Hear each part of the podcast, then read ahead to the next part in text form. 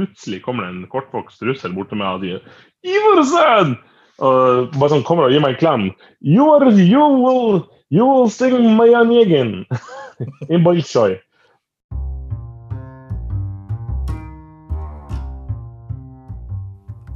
Velkommen til Til Nordlendingen, en podkast om musikk og sceneliv av og med Christian Krokslett.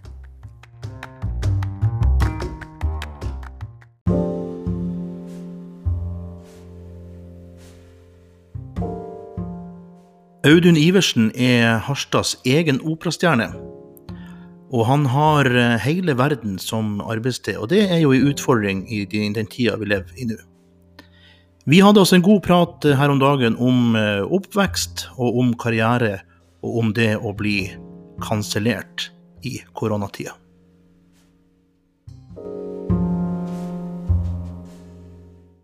Starter jo først og fremst med en uh, relativt sånn musikalsk uh, oppvekst. Um, men uh, som en da yngst av tre, og suverent den mest trassige av tre, så, så ble jeg ikke nødvendigvis tvunget til eller oppfordra til å um, spille noe instrument og sånt, men man absorberer jo veldig veldig masse som liten pjokk. Det merker jeg jo også sjøl med å lille halvannenårige jenta vår. Altså, det er utrolig hvor mye som tas opp.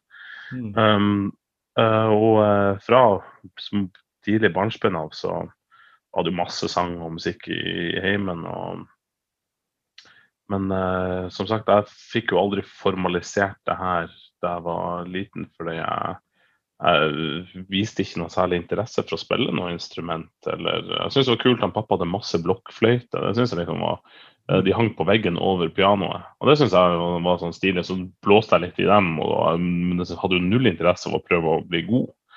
Uh, vi har alltid hatt et piano stående i stua hos oss, og trykte jo på de tangentene av og til, men jeg har jo aldri prøvd å lære meg å spille piano.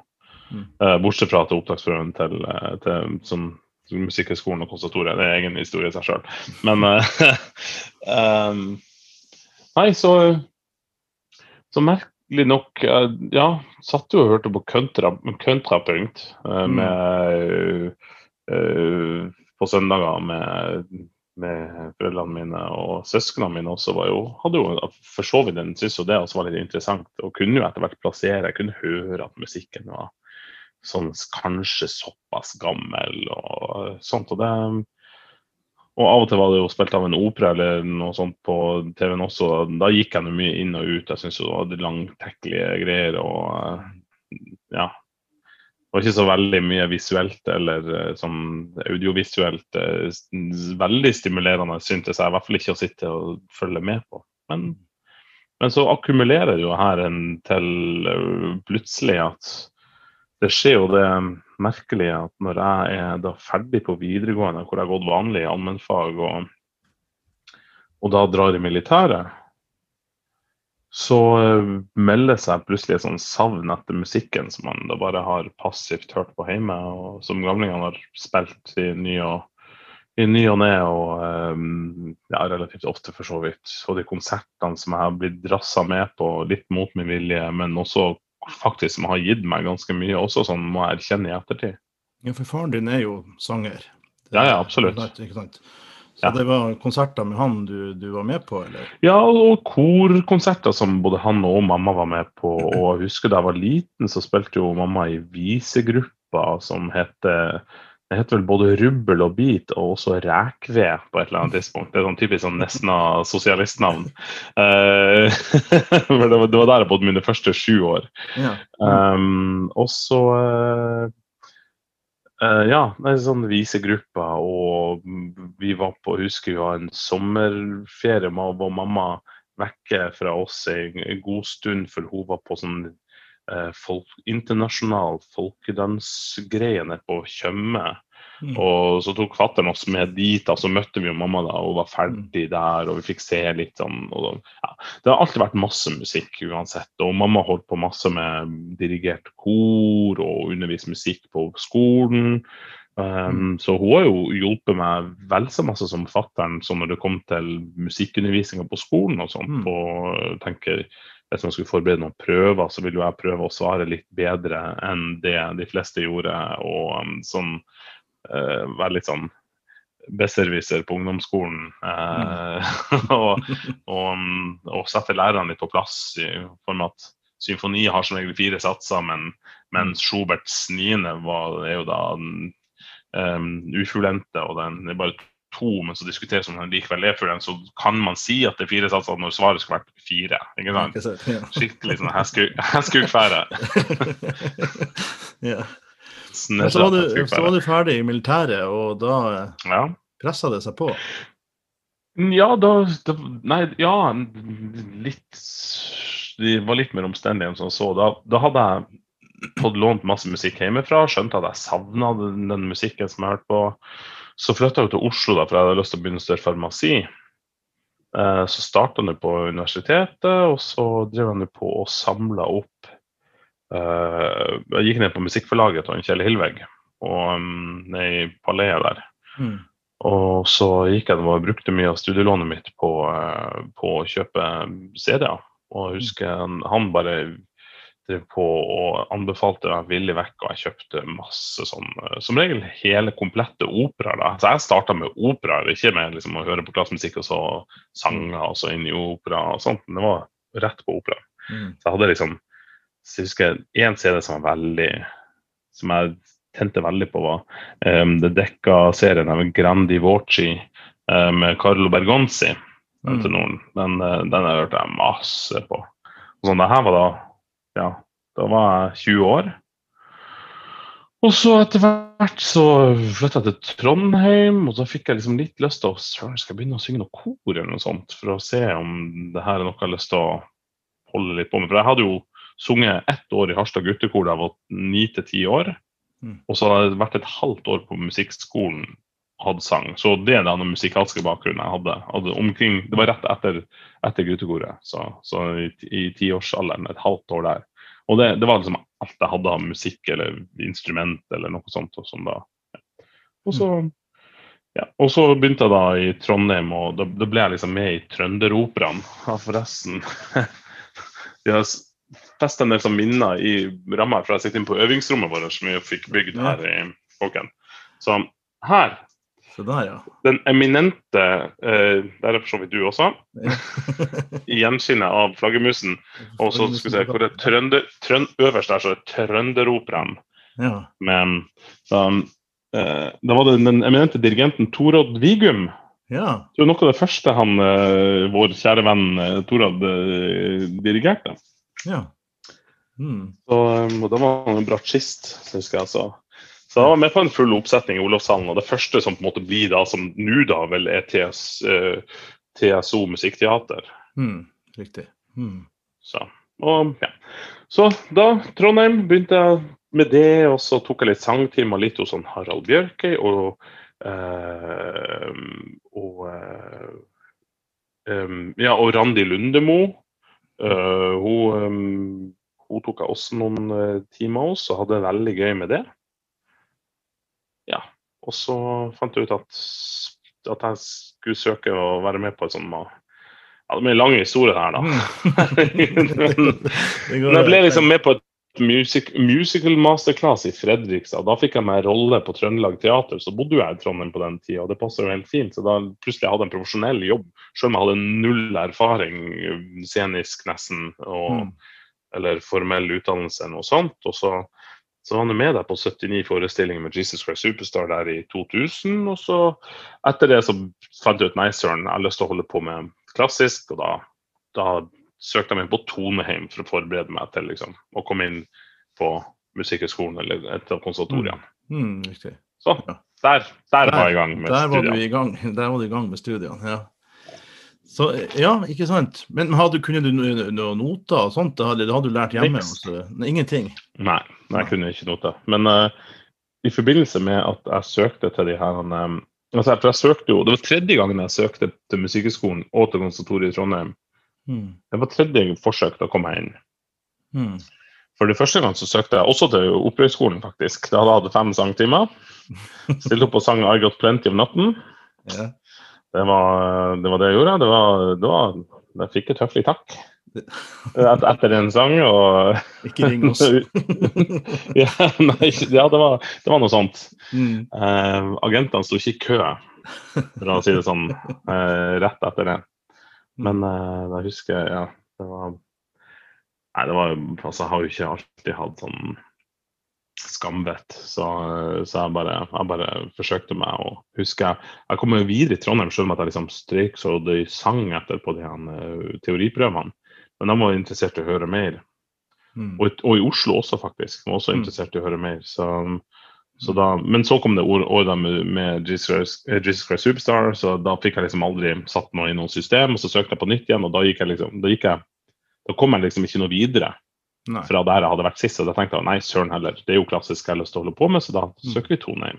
Mm. Og, da, og der fikk jeg jo litt teoretisk eh, undervisning og sånt. Og, og, og eh, sjekka opp min nåværende samboer og uh, mor til min, min datter uh, Lina med å prøve å få henne til å lære meg å spille piano. Mm. Så ble det NMH, eller Ja, Det ble NMO.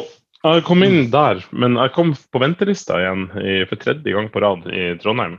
Altså mm. Første gangen så lå jeg sikkert så langt ned på ventelista at jeg ville aldri kommet inn uansett. Yeah. Men jeg, så husker jeg var litt sånn irritert på Trondheim og bare spurte hvorfor i alle dager skal liksom, hva skal jeg gjøre nå, da? For, å, for jeg vet jo at jeg har fått det teoretiske på plass. Mm. jeg vet ikke om det hadde noe å si det at jeg hadde øvd inn en sonatine i C-dur av Mhm. Som er sånn, det basically så simpel wienerklassisistisk uh, man kan, man kan uh, spille basically i C-dur. Den Ja. går over i G-dur liksom litt, da, men der er det jo bare ett kryss å tenke på. Så Bare én svart tangent å tenke på. ja, den jævla den svarte F-en. ja. Ja. Så uh, da, Du husker jeg hadde øvd som faen på A-delen. Og, jeg- og den kunne jeg si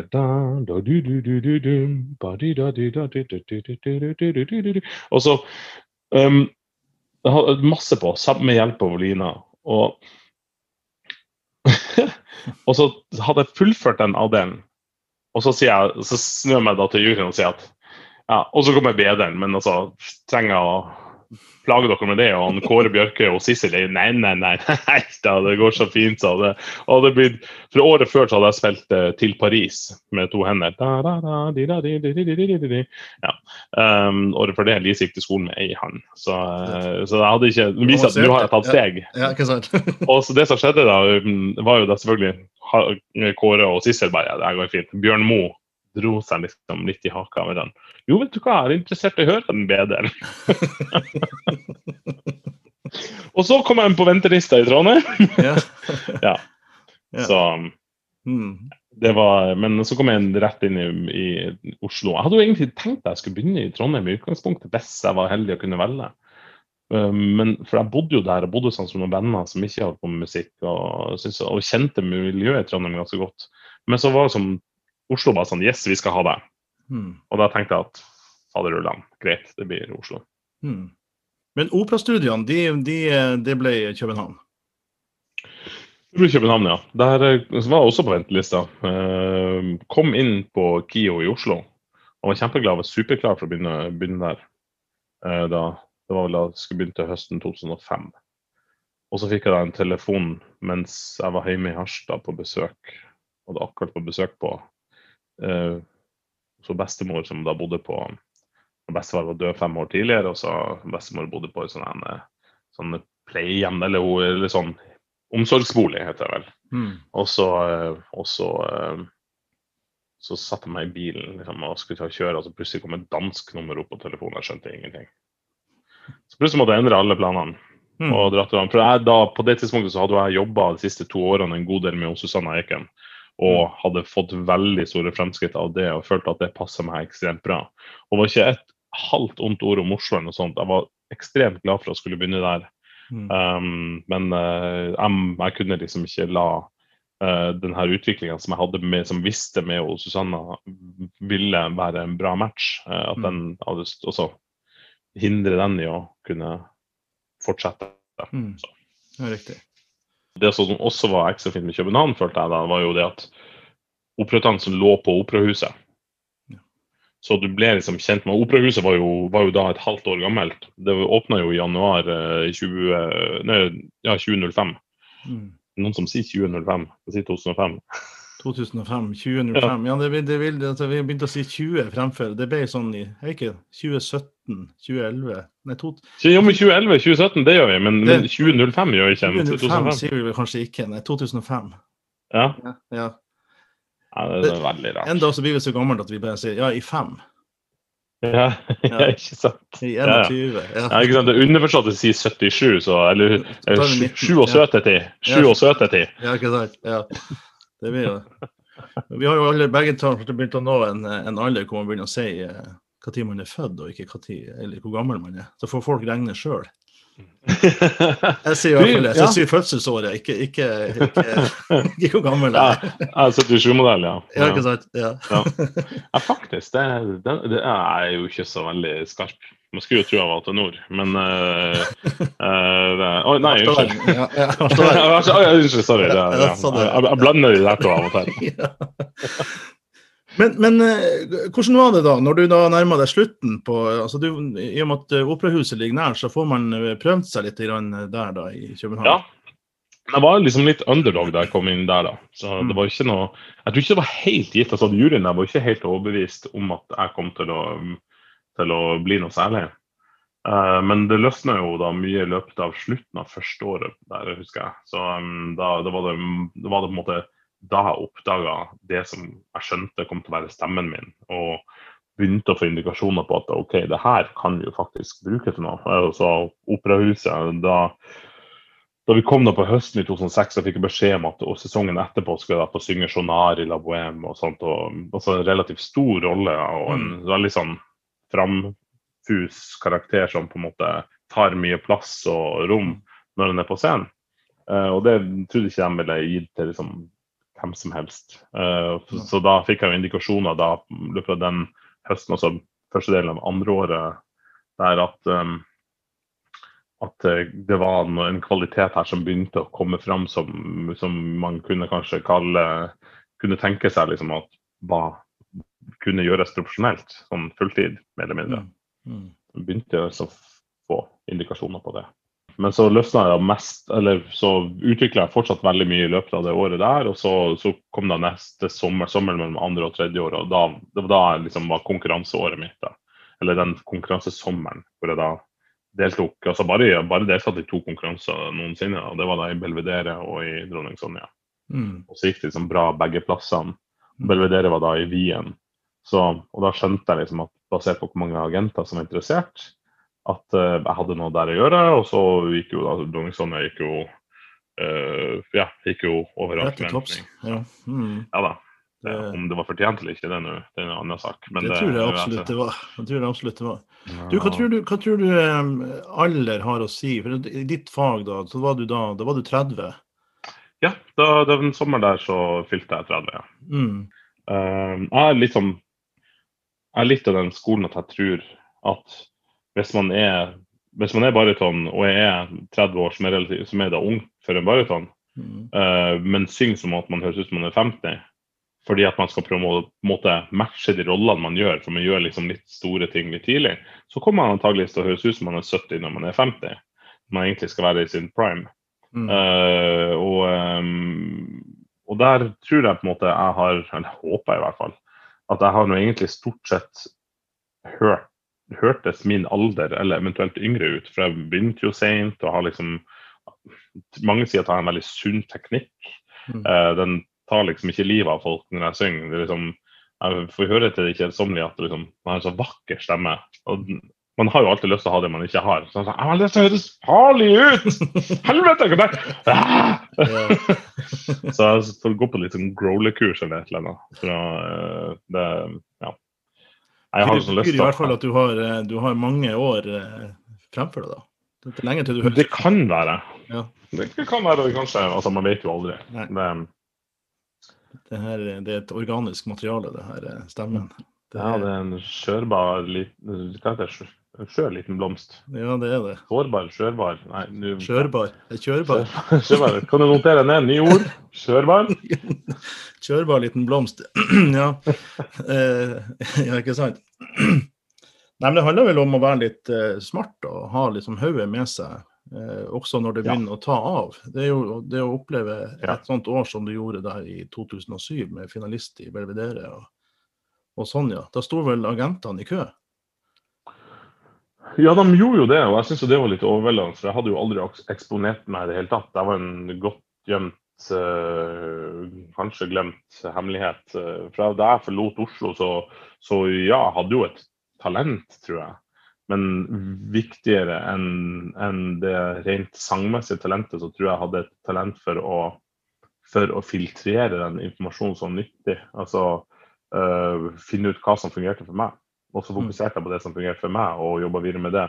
Man får jo i løpet av et langt liv som um, eh, Også etter et relativt kort liv som sangstudent, så får man veldig mye input og veldig mange råd og tips og vink som skal fungere. og Mirakelkurer og altså Det kan være alt mulig fra ting man har i seg, til, til sånn sangtekniske råd og sånt. Og så finner man ut hva som fungerer for en sjøl. Og mm.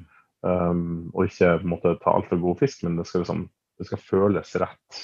Mm. Og der tror, jeg, der tror, jeg, faktisk har vært den delen av meg sjøl som jeg har hatt um, mest utbytte av, eller som, som har vært nyttigst for meg å um, Ja, å ha i verktøyskrinet. Altså evnen til å velge ut den hvilken del av informasjonen som faktisk fungerer. Mm. Så i stedet for at jeg skal følge trender det er Opp gjennom tida med utdannelse husker jeg det var sånn motebølge om hvilken lærer skal man gå til. og hvordan, altså, En periode var det den læreren, og så bare den læreren. og så var, altså, Det er jo så utrolig mange lærere som hører det samme, og så har de litt forskjellige ord. Og så, og så er det noen som har et lite røvertriks her, men de kan ikke det andre. Og så tar jeg liksom så føler jeg at jeg liksom, er liksom lappeteppe av, av ting som fungerte for meg, selv om at jeg bruker bare 10% av informasjonen som har blitt gitt meg om enn det. Man tar ut essensen av det som har laga på en måte sett, sett sammen et, et uh, komponentene. Ja, som fungerer til hvordan mm. stemmer mine satt sammen. og uh, og det var sikkert også en sak som hjalp meg egentlig, og hjulpet meg i ettertid, var jo det at jeg um, at jeg fikk jo på slutten, altså på slutten av Toneheim, før jeg skulle begynne på Musikkhøgskolen, så fikk jeg påvist at jeg hadde en polypp på stemmen. Eh, så eh, hele den våren før jeg skulle begynne, så da etter jeg var kommet inn på Musikkhøgskolen, så sang jeg jo basically ingenting. Og så skulle jeg, av og til med satt opp at jeg skulle ha kirurgi, for jeg ville ikke fjerne bort fjerne med laser, fordi at det ville lage et arr.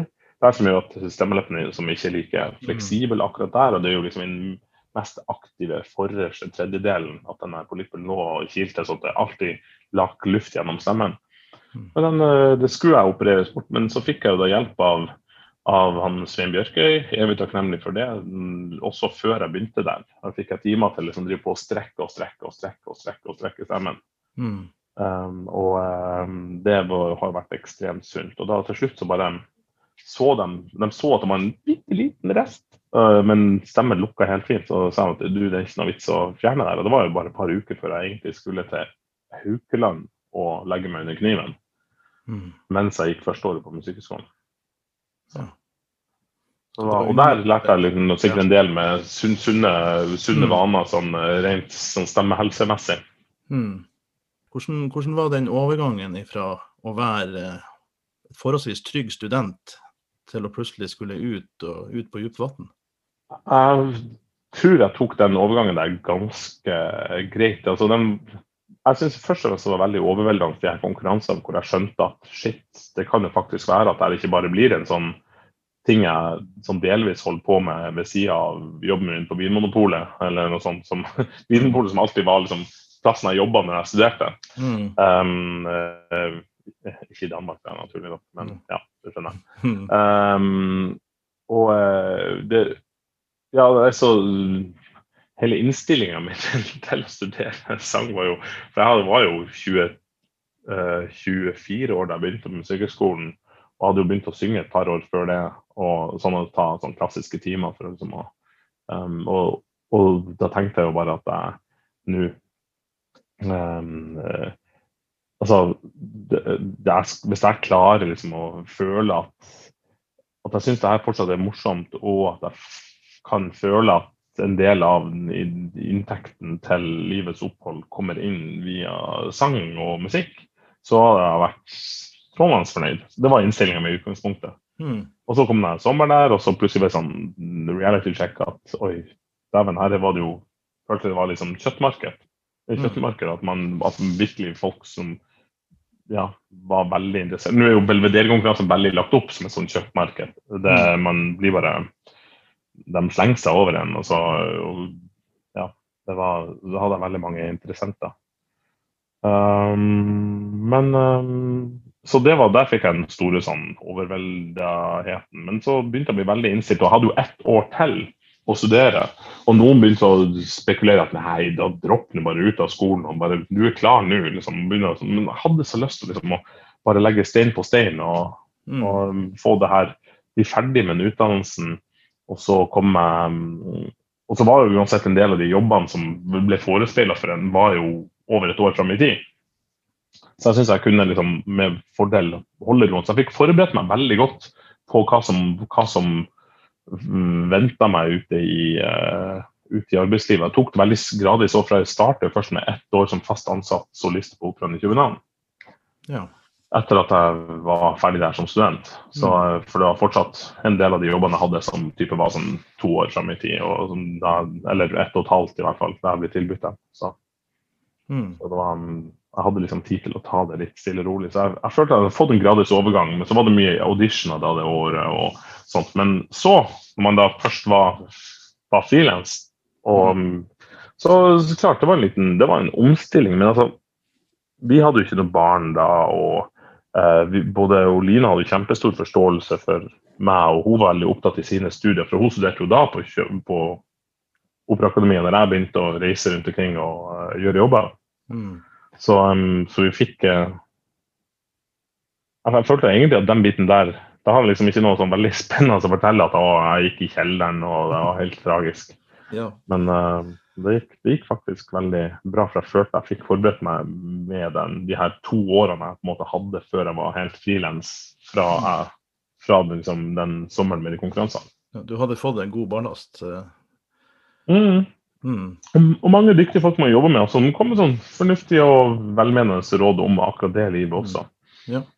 Som, eh, ja, og det har tatt meg videre. Og jeg føler at også de jeg har jobba med sånn rent sånn, som agenter, um, de har også hatt veldig forståelse for at jeg ønsker å ta ting i mitt tempo.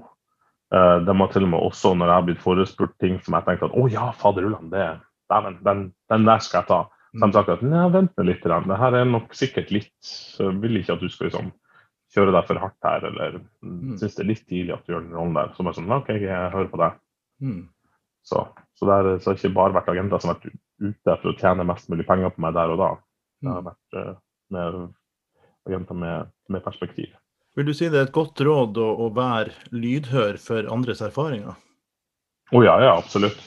Det, men det er klart, de erfaringene syvende og sist må du gjøre deg sjøl. Du kan ikke lene deg du kan ikke lene deg fullt og helt. Altså, du kan ta til deg råd og erfaringer, men liksom, likevel ikke ha vedtatt noe på forhånd. Ikke gå, gå inn med et åpent sinn og um, ikke Gjør deg opp din egen erfaring også, men det er greit å, liksom, å være litt uh, Ja, man kan være litt sånn vite hva man skal se etter, i hvert fall. Eller um, hvis, man, hvis det er noe som lurer noen farer i mosen. Jeg vet ikke om det heter det heller, men når det lager mye uttrykk Det er et Iversen-uttrykk. Ja.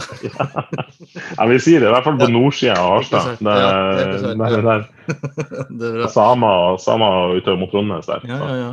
Ikke sant. Fa, lurer farer i mosen. Det er ikke så mye ugler der oppe, antagelig. Uh, nei, de uglene de har vi.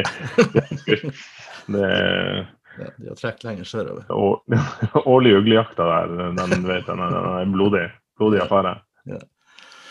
Du har jo eh, etter hvert fått gjort en masse flotte, store roller eh, rundt omkring i hele verden. Eh, ja. og, og, virkelig hatt ei reise de siste årene som har vært helt fantastisk å være vitne til. Men hvordan, hvordan eh, Når du blir tilbudt en, en, en, en ny, stor rolle, hvordan, hvordan, forbereder du deg til en produksjon, til et prosjekt og til en rolle? Måten jeg gjør det på, jeg sier ikke nødvendigvis at det er den riktige måten å gjøre det på, men jeg, jeg har en tendens til å Selvfølgelig, når jeg blir tilbudt en rolle, så går jeg hvis jeg ikke kjenner rollen, så går jeg gjennom scenen, gjennom notene og sånt, og gjennom innspilling og sånn, hvordan ligger det her, etc. Så vurderer jeg litt ut fra det om noe jeg vil gjøre, og hva annet har jeg å gjøre omkring som gjør at som kommer til å ta tid. Eh, kommer det til å være tid nok til å kombinere med det jeg har før og etter, etc. Så det er alt det her. Men så klart, hvis, her, hvis jeg da mener at det her passer, så så har jeg som regel, som oftest, da, ganske lang tid på meg før jeg skal gjøre den. For det er jo ofte, vi er ofte sånn liksom, ja, snitt ja, Det bruker å være sånn ca. treårsperspektiv på ting. Uh, mm. Men klart, nå kan jo nu, enkle ting som type pandemier sånn som plutselig dukker opp, som gjør at man plutselig kan måtte opprøres med å endre planene sine veldig fort. Uh, men um, ja, nei, jeg, når jeg da går i gang med musikken, sånn så jeg bruker ikke å starte sånn type Eller jeg har ikke ennå kommet i gang med et stykke som, hvor jeg begynte liksom et år i forveien. Jeg begynte å forberede meg med Votsek begynte jeg et halvt år i forveien. Mm. Um, det var sånn for at jeg ville legge et fundament og så la det modnes litt mens jeg holdt på med andre ting, og så gå tilbake til det når det begynte å nærme seg litt mer og liksom sette det mer i system. For jeg, er heller overbevist om at vi prosesserer utrolig mye mens vi ikke holder på med ting også. At man bare uh, får, får inn liksom strukturen og skjelettet og blir kjent med organismen man skal, man mm. skal, mm. man skal være en del av. Um, så, så, så, så, er det en sånn modningsprosess. Uh, I hvert fall når det, vel, når det, er mer kompliserte saker. Mm. Men um, en ting jeg lærte meg relativt tidlig, Eh, det var før jeg gjorde min debut på Common Garden. Så, eh, så fant jeg ut at man kan også forberede seg for masse. Det syns jeg var litt problematisk. jeg skulle gjøre min debut der da i det var vel i våren 2011. Og uh, da skal jeg synge rollen Albert i Verter. Uh, han er forsmådde mannen til Charlotte. Uh, og jeg hadde lest boka til Goethe og hadde studert opp og ned i mente og prøvd å finne altså, jeg, jeg følte jeg kunne skikkelig skikkelig godt uh, det aller meste. Hadde en klar idé, og hadde sett det også fra denne var en gjennomsetting og den fantes på DVD, så jeg hadde sett liksom, DVD-en flere ganger og, og sett hvordan produksjonen så ut. Og hadde en sånn klar idé om mm -hmm, sånn her er han karakteren her, og så går jeg inn med liksom, tenker at hm, nå skal jeg overbevise. Mm. Og, og, så opplever jeg at liksom, i virkeligheten så er det noe altså, jeg, meg, jeg, var, jeg, ble så låst i mine egne tanker om hvordan karakteren her skulle være. Og hvordan jeg skulle klinge, og hvordan jeg skulle hvilken bakgrunnshistorie vedkommende hadde, og etc. At jeg ble fullstendig tatt på senga når, når, når dirigenten, for det var jo da bare sånn uh, revival-regissører som, uh, som, da skulle på en måte plotte inn hvor vi skulle stå og gå, og um, litt hva man skal føle her og der. Mm. Så det er basically dirigenten som hadde, hadde hele, styrte hele showet. Så jeg fikk jo da vite liksom, idet jeg kommer inn der, at å ja, liksom, du skal være den kjipeste, stiveste stauren av en person noensinne, også når du synger de vakreste, smektende ord om dama di som du er ekstremt glad i og ikke har sett på seks måneder. Uh, og da skal liksom eh, for, og, og, litt argumentasjon var det, for at jeg var jo sanger ved siden av Rolando Viasson. Mm. Og Viasson er jo ikke en stiv staur. Man kan kalle ham masse, men ikke si det. Man kan kalle han en jævlig god kollega, det kan man absolutt. Han er en helt mm. fantastisk fyr. Så det er ikke et halvt ondt ord om den fyren. Mm. Men, uh, men jo mer fektende og kavende han var, og mer klovn han var, jo mer Stiv Staur var jeg nødt til å være. Og for de som kjenner meg, så tror jeg jeg kan være en Stiv Staur og en gammel pekall i enkelte eh, øyeblikk, men jeg er ikke like mye det som Randeby og sånn er en klovn. Ikke sant? Ja. ja. Så, da, så det ble liksom en konstant fight for meg da der at å skulle være på en måte stiv nok. Og det gjorde at jeg blokkerte meg sjøl også når jeg sang. Jeg var jo ikke i nærheten av å kunne synge der så, sånn på den måten som jeg ønska. Mm. Uh, så det var liksom, ja. Da hadde jeg gått inn der og vært litt mer sånn ja ja, fuck it. Her, la oss se hva de uh, vil at jeg skal gjøre. Og, um, og på en måte ikke hadde lært meg sånn nitidig hvordan jeg skal gjøre alt sammen. Så var jeg mer fleksibel, ville vært mer fleksibel til å bare til å gjøre ting sånn som de ville. Mm. Uh, og det vil jo sikkert gavna meg i lengden. da. Altså Nå har jeg jo gjort to produksjoner på Kong Garden etter det, så ikke det at det ødela så veldig mye, men det, var, det gjorde i hvert fall at jeg slett ikke fikk vise meg frem fra den sida som jeg vet jeg var kapabel til.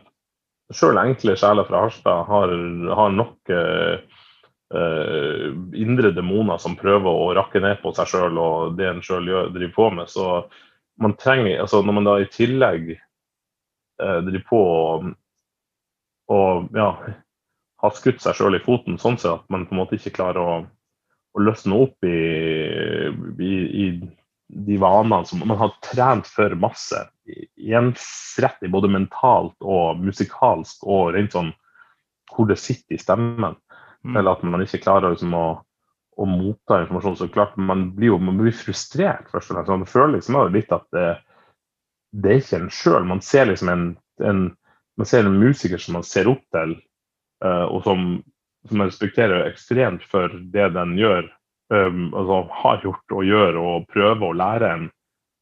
Og så står man der bare og Mm. Men nei.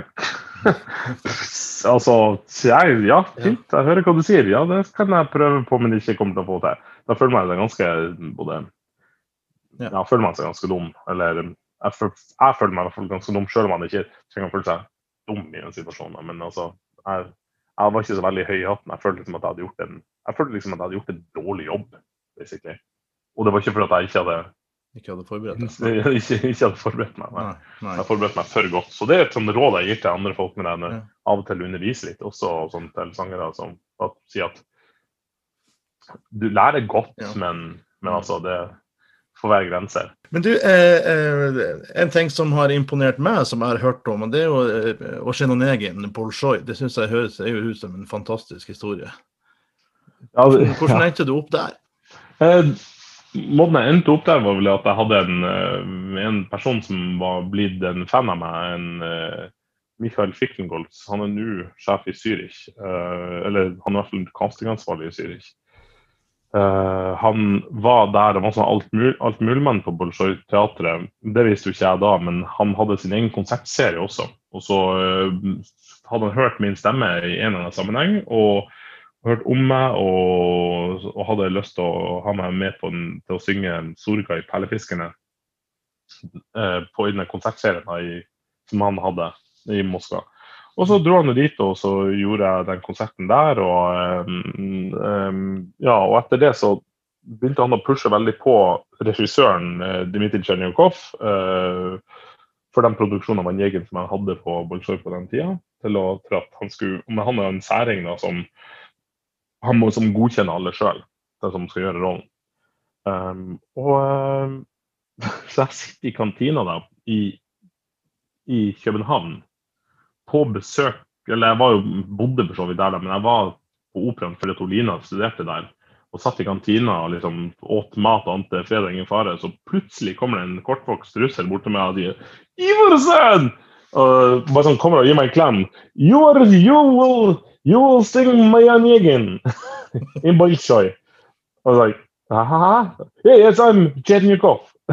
altså, det vil si, han snakka dårligere engelsk enn det da.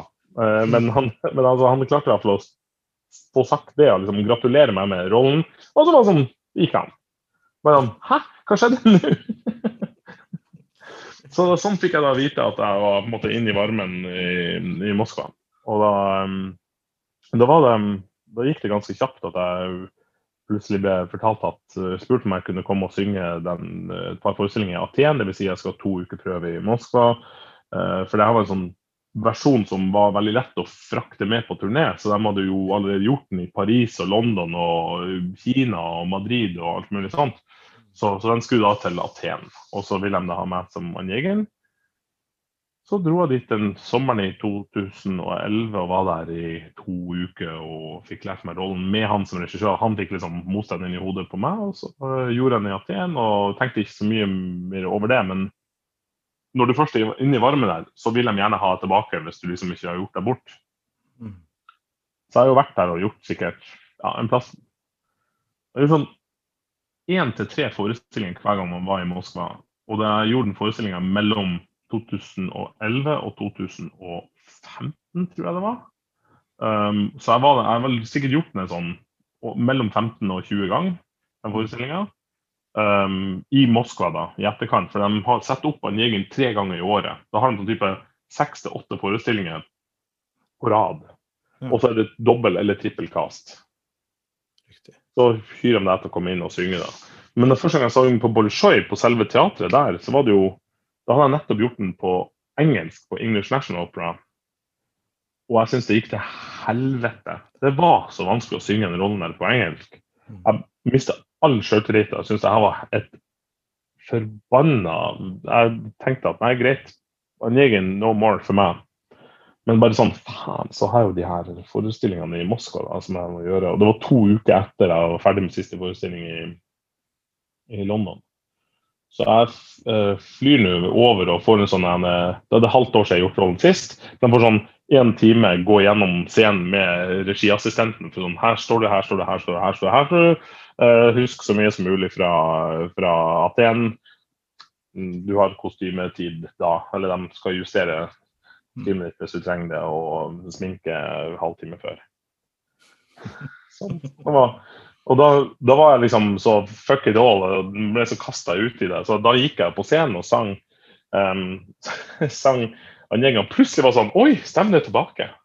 Det her er jo, det, det skal jo synges på russisk, denne operaen her. Det, det, ja. Så det var, det var, det var en det var, det var, en drøm. og faktisk, Jeg, fikk, jeg var ferdig med den forestillinga der. Fikk liksom ikke tid, følte ikke jeg hadde fått tid til å forberede at jeg skulle gjøre det. Og jeg hadde vært så pessimistisk i utgangspunktet. Så det var sånn Å, helvete. Jeg har jo faktisk sunget Evgenij Njegin, på Bolsjoj. Og så spurte jeg da ved neste høve, tror jeg var i Moskva, sånn sikkert bare et par måneder etterpå spurte sånn er, har, Hvor mange vesteuropeere har sunget den rollen her, her før? Så jeg tror det bare deg. Det er bare deg som har gjort det. For de hadde, de hadde hviterussere, de hadde ukrainere, de hadde en polakk. De hadde, vet jeg, og jeg tror de også hadde en slovaker, en fra ja, om det var tsjekkisk mm. eller slovakisk. Men, og, og, noen fra de tidligere sovjetstatene. Uh, så, men, uh, men vesteuropeere å synge Jegen, njet. De hadde hatt en uh, de, Jeg tror de hadde en amerikaner til å synge Lenskij. Det hadde de hatt. Okay. Så, men, eh, og, da, og da fikk lov å være med der i en fireårsperiode hvor jeg gjorde den forestillinga utrolig mange ganger. Men du, en, en, en, en eh, si, jeg vil jo si en, karriere som er kanskje litt, litt forbi starten eh, enda. Men det må jo ha vært noen høydepunkter som du har hatt frem til nå. er det noe som du vil trekke frem som det absolutte høydepunktet hittil? Jeg syns det var stort å synge for et år siden, da jeg sang uh, i Frankrike. Fikk endelig sunget den um, Markina Posa i uh, Don Carlo. Det er en rolle som på en måte jeg så fram til å synge en gang når det eventuelt skulle bli. Uh, det, ja, mens jeg studerte, og en av de første ariene som jeg på en måte begynte å øve på, sånn null skamvett. Var jo da påstått død. Uh, hadde basically ikke Jeg tror faktisk var den første arien jeg tok med til han Harald Bjørkøy da jeg hadde mine første sangtimer med han på, på Heimdal videregående. Um, da, da, tror jeg, da hadde jeg liksom hørt på CD hvordan den gikk. Så hadde jeg noter som betydde ingenting for meg. Det var noe tekst, det var noen italienske ord og sånt. Så der, og jeg prøvde å kopiere hvordan han, Bast, han ettårige Bastianini sang det. Mm. Uh, jeg tror ikke det var veldig likt, men det, var, det, var, i hvert fall uh, det var i hvert fall drømmen. da. Mm. Så, eh, så Men ja, å få gjøre den rollen der, det var Det var helt fett enormt. Og um, det var ganske stort for meg også å gjøre min barbererdebut i San Francisco. For, det, for jeg tror jeg skjønte liksom litt i løpet av premieren at det her er jo faktisk en ganske svær greie å gjøre i et svært hus med 3250 seter og, og, og den historien det huset har, og etc., etc. Så så jeg husker jeg fikk en sånn litt sånn Jeg gikk inn en sånn litt sånn rar Jeg var på et rart sted da entreen kommer. Jeg, liksom, jeg klinger på bjella på den sykkelen og, og La fra offstage sånn, før jeg kommer inn. og så så husker jeg sykle sykkelen, de, begynner å krenge noe voldsomt. og sånn, og jeg merker ok, du må bare passe på å ikke velte den sykkelen her. for Det er et sånt stort hus bakpå ikke sant, sånn, hvor man kan slå opp døren og så bare sånn barberutstyr. Supertradisjonell forestilling. Mm. Så bare parkerer jeg sykkelen her, og så skal jeg liksom klatre opp på taket på den her. Da må du liksom motvekt, så de danserne, det er noen dansere på scenen, de står liksom og lener seg opp på sykkelen på andre sida. Så jeg liksom setter meg basically på taket der, og så begynner jeg å synge. Og da husker jeg ingenting. Jeg husker ikke en dett. Ikke, ikke det skarve grønn husker jeg av den arien der. Før jeg plutselig står midt i det stativet eh, etter arien. Jeg husker, jeg husker applausen. Jeg husker applausen var en veldig fin applaus. Altså. Det, var ikke, det var ikke sånn at jeg reiv ned bygninga, men liksom, det var fin uh, virket som folk likte. Og så, og så fortsatte jeg videre. så det var på en måte Da våkna jeg litt opp og var sånn Barbereren, ja. Det var den der, hvordan leker Ja, den, ja, den ja. så. Du sikkert da hadde sunget tusenvis av ganger før det. Ja, arien, ja. Å, ja, ja. Den kunne jeg jo Ja. Ikke sant? det vil si Den eneste gangen jeg ikke kunne, var da Dronning Sonja-finalen. Eh, fordi at den var på en av de ti arene jeg hadde skulle skrive inn på lista. Det var jo helt enormt det repertoaret man skulle sende inn på Dronning Sonja på den tida. Det var ti arier, og det var en av dem jeg satte opp. Og til dags dato hadde jeg aldri sunget, klart å gjennomføre en arien der, for at jeg, jeg sleit meg ut når jeg sang den. Altså, jeg hadde ikke helt funnet måten. Uh, så, men senere, sånn, det tok kanskje et år til, sånt, og så var det sånn a breeze. Jeg må bare huske på liksom ikke full kuk hele tida. Ikke sant? um, forbilder langs veien? Ikke nødvendigvis idoler og sånn, men er det, er det, er det noen, er det noen eh, på veien hittil som, som du vil løfte frem, som, som har kanskje betydd mer for deg? Uh, altså sånn utenom Molina og Uten, sånt, ja, nei, ja, nei, du kan gjerne nevne Molina Lina også, men det, Ja. det er liksom litt obvious, eh, håper jeg. Ja. Uh, ja. ja Lina stod i veien for meg hele tiden. Nei. Um, hennes støtte har vært helt uh, uvurderlig. Og det og faktisk kan jeg si det på samme måte foreldrene mine um, også. Også fordi at de virkelig ikke, ikke pusher. At de på en måte alltid har vært voice of reason på veldig mange måter. Uh, ikke drev på å mane meg til at uh, må huske å gjøre det og det. Og, så det, det har vært rett og slett bare en, en, en ren, helt korrekt måte å støtte på når jeg da først begynte å synge. Mm. Uh, men sånn ellers, jeg kan jo ikke komme utenom Susanna. Det, Susanna har vært uh, jeg, jeg, tror ikke jeg, jeg tror ikke jeg hadde Eller hadde kanskje funnet instrumentet. Det hadde kanskje vært annerledes, jeg vet ikke. Jeg er i hvert For, for de, som, de som ikke kjenner Susanna Eken, eh, Ja. der, er- der er- kan være noen som lytter på som ikke kjenner Ja. Hvem er det? Eh, Susanne Eken er en flott dansk eh, sangpedagog, ja, dosent. eh, Susanne Eken. Nå er vel hun pensjonert, tror jeg. Hun har jo fortsatt masse privatelever og sånt, så jeg tror bare privatelever nå. Mm. Eh, Men hun da lærer, var lærer på konservatoriet i København og på, eh, og, og på Operaakademiet, hvor jeg gikk Mm. som på en måte var delt litt mellom konservatoriet og operaen. Um, og så, eh, så er hun i utgangspunktet logoped. Mm. Uh, jobber vel først i karrieren sin mye med skuespillere og deres taleteknikk og sånt. Og så blir hun mer og mer sanglærer, og vært sanglæreren til veldig mange av de, de sangene som har på en måte fått, hatt størst karriere, som har gått via uh, København. Um, veldig mange norske sangere som studerte hos henne, annet. Og um, jeg sier ikke at alle, alle som, altså, sier ikke at hun sitter med nøkkelen på alt sammen, men for meg funka det ekstremt bra. Mm. Uh, så uh, hun, er da, hun, er da, en veldig god venn av familien, uh, altså med Bina sin lærer også.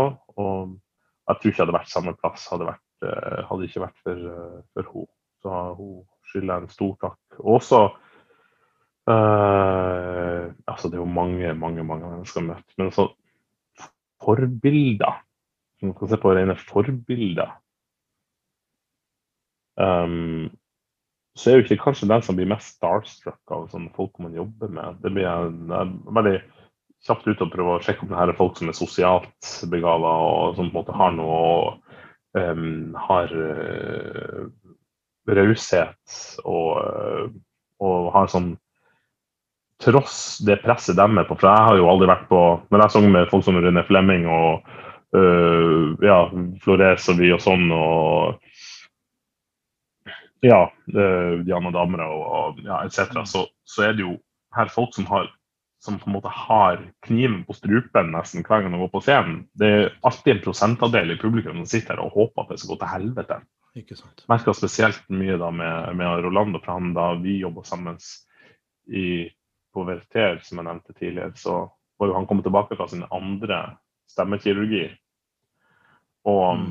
han har jo en sånn hærskare av viasonistas som da på en måte følger han overalt. Og, og ja, det, folk som forguder han og elsker han. Og han var jo, gjorde en glimrende jobb, syns jeg, da. og mm. Men merker også hvor mye nerver han har å si det når man, når man på en måte føler at man har en har en uh, Når mange, veldig mange av de som satt i salen der på den premieren av Verfer, de satt der og forventa eller håpa at han skulle sprekke.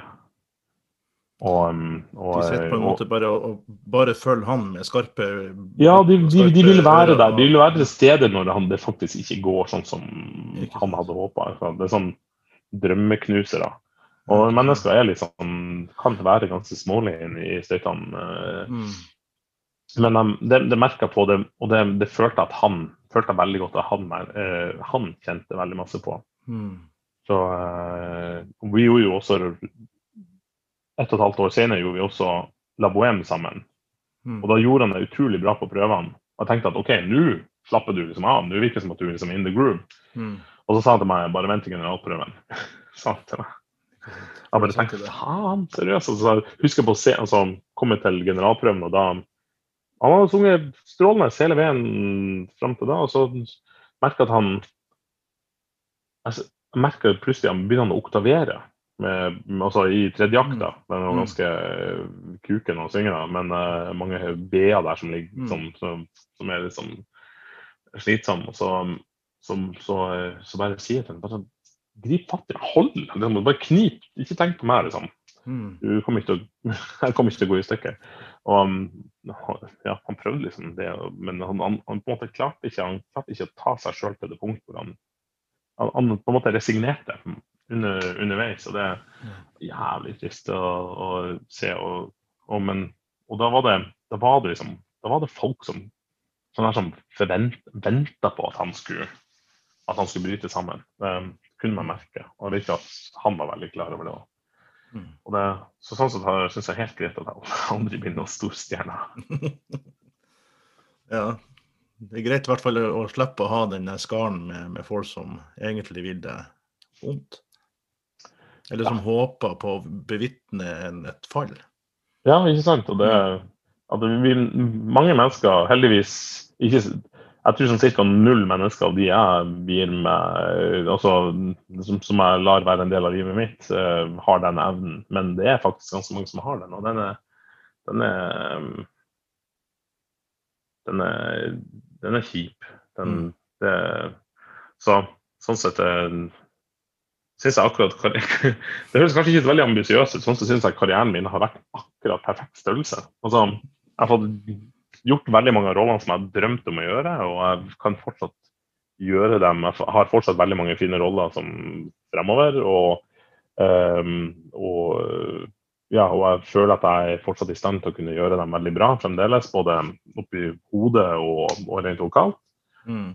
Så, så, jeg, så jeg har eh, Men jeg kommer, ikke til å, jeg kommer nok ikke til å havne i den gruppa som blir får de arguseierne på seg.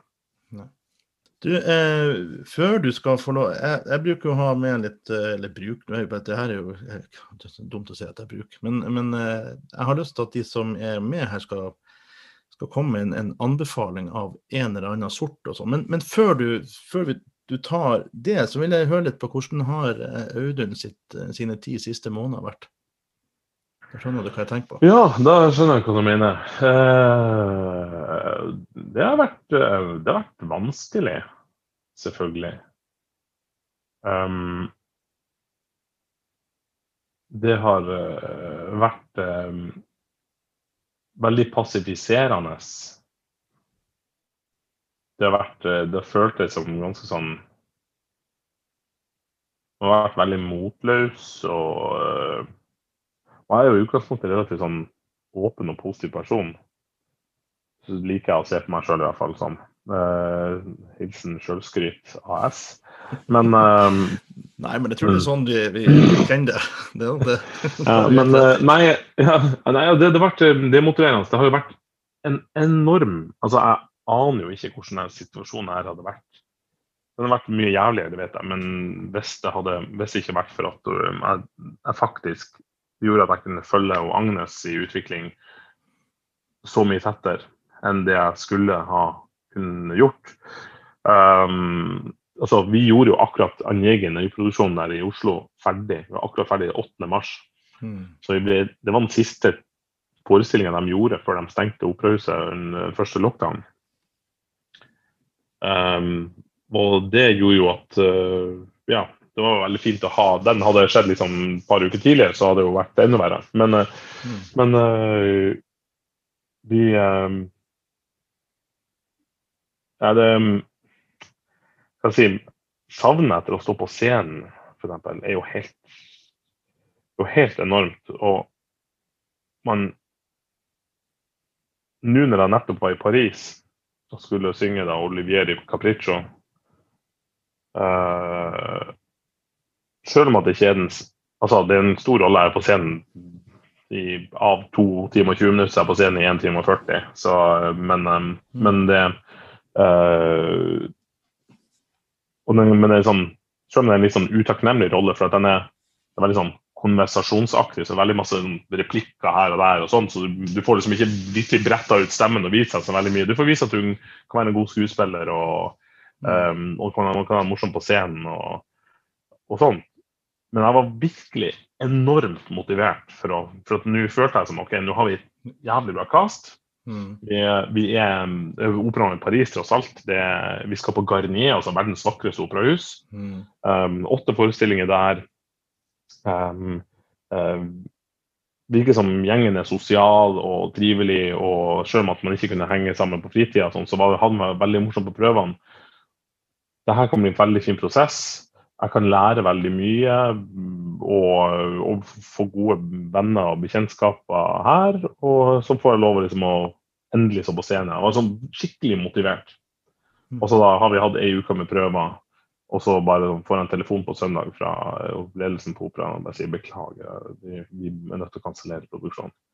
Og da hadde jeg da da hadde jeg nettopp kommet ut av ti dager karantene etter jeg faktisk hadde gjort fire konserter i Madrid. Så jeg var akkurat ferdig med ti dager karantene. Jeg hadde kommet ut av karantene på 31.12., og så reiste jeg andre, nei, 3.1 til, til Paris. Og så kom jeg tilbake igjen, inn i karantene på nytt igjen. Og da hadde jeg nettopp vært i litt før det, hadde vært i Zürich, skulle produksjon av Manon av Massenet. Jeg mm. hadde tre dager prøve før vi fikk telefonen at vi må kansellere hele igjen. Så var det slutten av oktober til, til begynnelsen av desember, som da på en måte gikk ut vinduet. Og får en liten kompensasjon, og så eh, og Det er jo liksom en kjertendel av av det man egentlig skulle ha tjent. Men, eh. men, eh, men, er det sånn da at det kanselleres helt? Eller for det jo altså, det å sette opp en opera, en produksjon sånn, det er jo et veldig kostbart opplegg for et Uansett hva slags hus det er, altså, jo større, jo kost, mer kostbart er det. Er, er Fordufter det, eller er det, er det, et håp om at du skal tilbake og gjøre det på nytt igjen? Eller? Det håper man skal tilbake. Det har egentlig sagt både Zürich og Paris. har sagt De ønsker å sette opp samme produksjon med samme Mm. cast eh, om om noen år. Det er jo foreløpig ikke sånn veldig stor trøst. Nå får vi jo se hvordan, hvordan livet Altså hvordan samfunnet blir framover. eh, Med når man er tilbake i en mer eller mindre normaltilstand, og hva den nye normalen er og sånt. Det er jo ingen som vet helt. Men um, du går, Men, bare, ja. du går ikke an bare for Paris eller Zürich eller noen av de og si at ja, men vi tar det opp til i oktober igjen. For at det, folk er jo, som du sa, man, har jo, man er jo kontraktert for to, tre, Ja. fire sesonger frem i tid. Ikke sant? Ja. Så det går ikke an å Um, bare ja, og det gjelder jo, det gjelder jo inntil videre fremdeles også meg. Jeg Mm. kan, jeg kan ikke hoppe inn i hvordan som helst produksjon der eh, til hvilket som helst tidspunkt. Eh, og det er jo et privilegium på ett vis, men det er jo kjempesynd. Da, da, ender man jo basically opp bare med å miste den jobben. Mm, mm. Så eh, Og um, ja, det er klart Ja. Nei, så det er jo da altså Utenom konsepter og sånt, så, så er det jo da tre Så, så det er jo også rett før den Zürich-greia, så, vi også- så fikk jeg gjort to uker med prøver og to forestillinger av Traviata i Praha. Uh, men de tre siste forestillingene jeg skulle gjort, de ble kansellert. Mm. Så, um, så de siste tre operaproduksjonene jeg skulle gjort, de ble kansellert. Men da jeg fikk jo gjort den der Madrid uh, Beethovens 9. fire konserter på fire konserter på fire dager og én dag prøve i forkant. Så det var sånn veldig konsentrert. Og, og det er jo veldig bra da, eh, at man faktisk får lov å synge. Men det er jo ikke, det er liksom ikke det samme som å gjøre opera, som er jo det jeg egentlig lever og ånder for. Selv om at den Beethovens 9. i ny og ne har jo aldri skada. Har du sunget Beethovens 9.? Nei, eh, jeg håper det kommer. Den lå, på, den lå på blokka i fjor, og så ble den kansellert. da. OK. Sånn at, eh, ja, det har vært ting for, som har forsvunnet. Men heldigvis har jeg hatt eh, oppdragsgivere som også har hatt eh, eh, Ikke at de har vært så mye flinkere enn andre, andre, men de har vært i en situasjon hvor de kunne ha gjort om på ting og, og laga alternative Ja. innenfor. Ja. Så det har vært, Ja. jeg har vært heldig der, altså, det må jeg si. Ja, ja det, er noen som, det er noen av de her som da bestemmer for at de skal kjøre. Det er gjerne hvis man kommer litt lenger i produksjonsprosessen. da. At de Mm. da finner ut at greit, nå er vi nært premieren uansett, så da holder vi dem til premieren og så gjør vi en digital forestilling. Mm. Um, så en stream eller noe sånt. uh, Mm. så, så, og så får vi liksom litt mer, så putter de inn litt mer penger i kamera også sånt, og får liksom Mm. får en, en, en visuell altså en digital visuell produksjon av det her som kan, som kan finnes online i, i en stund som folk Jeg vet ikke om det er gratis eller om det, det er ofte at de er gratis, de, de da. Men, og da, da betaler de jo ut forestillingshonorar til de for dem, for de forestillingene, sikkert noe mer også. Mm. Men eh, ja, i mitt tilfelle så har jo ting på en måte blitt bare sånn slutta. da. Men så, så har de da på en måte kompensert litt, den, da. Eh, sånn avhengig av hvordan, hvordan hus det har vært. og sånn. Men så, det har vært tragisk å det har vært, ja, det har vært tragisk å ikke få lov å stå på scenen og holde på med jobben min. For jeg syns jo fremdeles at jobben min er så jævlig gøy. Er det, er det noen eh, Jeg tenker anbefalinger. Ja. Jeg har lyst til å, å høre om det liksom Hva er det liksom Finnes det noen gode anbefalinger du vil gi til eh, lytterne av denne podkasten, eh, som på en måte kan bidra til det gode liv på et eller annet vis? Ja, ja. Da, du, altså, da må du holde deg unna Tottenham og bli Tottenham-supporter, for det, det, det, du er kanskje ikke helt innafor. Altså, det, er det, gode, det er det gode livet på veldig mange måter. Hvis man det er litt asketisk og, og litt sånn fakiranlagt, altså man liker en sjølpining og, og sånn, sånn eh, langsomt trekker, trekke ut neglene på seg sjøl. Nei, det har jeg ikke begynt med ennå. Men, eh, men eh, ja. eh, klart, det er mye bedre enn Tottenham-skjorte medgang- medgangssupp. Ja, Ja, ja. ja, men, ja da. Jo da, alt for deg, kjære. ja. Eh, men klart, det er mye bedre det da, å være det enn å være sånn medgangssupporter når eh, du, du, vi er blitt påminnet nå om hvordan det har vært i mange år. Ja. Ja da, ja, det er for så vidt sant. Ja. Um, Men, Mm. men eh, det er mange Ja. gode ting i livet som man, eh, som man kan oppleve. Er det noe du eh, tenker som kan være noe du vil anbefale å enten oppleve eller gjøre? Eller? Ja, det var så, du, du forberedte meg liksom litt på forhånd med, om det her, så jeg tenkte at ja, du skal være smart og komme på et eller annet helt sånn magisk. Men altså, det er de små tingene, rett og slett. Uh, um, altså Av alle ting som popper ut av Altså ting for å gjøre livet bedre. Så, så, ja, ta seg en ferie på Maldivene. Det gjorde jeg og dama i 2012. Jeg hadde akkurat ferdig på operaen i Roma. Og Line hadde vært der nede og gjort et fireukers språkkurs samtidig som jeg holdt på med forestillinger. Og det, det, Vi var der i Jeg hater strandferie og ligger og deige meg på, så jeg syns det er meningsløst vås. Men der Å, vi var der ti dager og skulle gjerne vært der i ti dager til. Jeg hadde gjort glatt. Hva var, det Så, som, um, hva var det som gjorde at, eh, at eh, strandferie på Maldivene var bedre? Uh, det var for at jeg følte at liksom Man lå ikke oppå alle andre. Vi hadde en sånn bungalow som så ute i havet. Liksom, den, den, måte, alle bungalowene lå på, på langs måte, stranda, men det mer nok luft mellom hver. Og så, og så var det sånn mm, Den veggen mot havet var basically bare sånn store vinduer. ikke sant? Så du så rett ut der når du ville. Um, du så bare ut på havet. Og, mm, og ja, du så liksom de bølgebryterne som på en måte ligger foran for å på en måte hindre mm, større bølger å komme inn, og så, og så, så er det bare hav. Og så, og så den strandflekken foran deg med noen palmer og sånt. Og det, det høres utrolig klisjéaktig ut, men fytti helvete så digg det var. Um, det, øh, og på den øya der så hadde de sånn åtte restauranter, altså med knøttliten øy. Så åtte restauranter som har liksom forskjellige verdens kjøkken og sånt. og så Um, så man kunne liksom variere litt der. Man, og at man ble jo værende på øya hele tida med mindre man var på utflukter for å se sola gikk ned i havet, eller um, uh, ja, eller for å heppe på delfiner og sånt. Eller snorkle liksom på åpent hav. På et eller annet, koral, et eller annet korallrev. Og det var jo Det var jo åh, ja, det var helt, helt episk. Så det, um, dit bør man dra. Uh, og så så eh, Jeg gravde liksom langt i hjernebarken og fant ut at jeg kan ikke la være å si Toronado, en pub i Lower Hate i San Francisco. Um, en av de mest sånn episke En av de første barene i USA som begynte med, med craft beer. 1980, august 1987 åpna de. Og de satsa bare på lokalt bygga øl. Og I 1987 så var det ikke akkurat veldig sånn stor eh, sånn mikrobryggescene rundt omkring andre plasser enn i kanskje i California begynte liksom å dukke opp litt. Mm. Der har jeg fått drukket Og det er noe av det mest Det er så morsomt med sånne plasser. for De trenger jo virkelig ikke deg som gjest.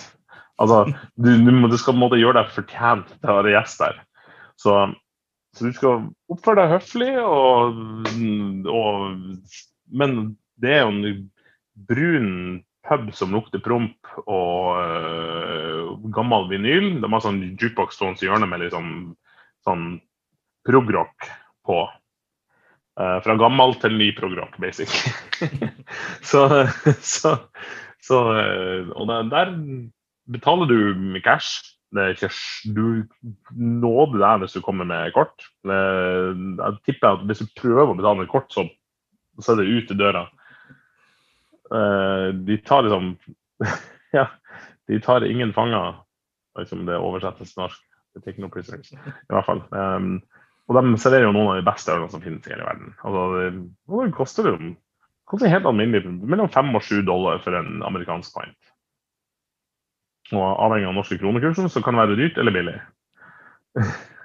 så så eh, ja, der, der har jeg hatt utrolig mange fine øyeblikk. Å bli kjent med folk som jeg har møtt, som har kommet og sett meg synge på operaen i Paris og her i Oslo, og som fløy til Chicago når jeg sang forestillingen der etter at jeg hadde vært, møtt dem i 2013. Så var jeg tilbake i 2017 uten å si ifra at jeg var tilbake. Så dra på sånn plass og møte de samme folkene bare sånn plutselig igjen. Og de er sånn Å ja, du er tilbake! Så! Kom og drikk øl med oss. Eh, Så Tor Toronado Helt episk eh, plass. lower hate Husk 546 lower hate, tror jeg det er, med adressen i San Francisco.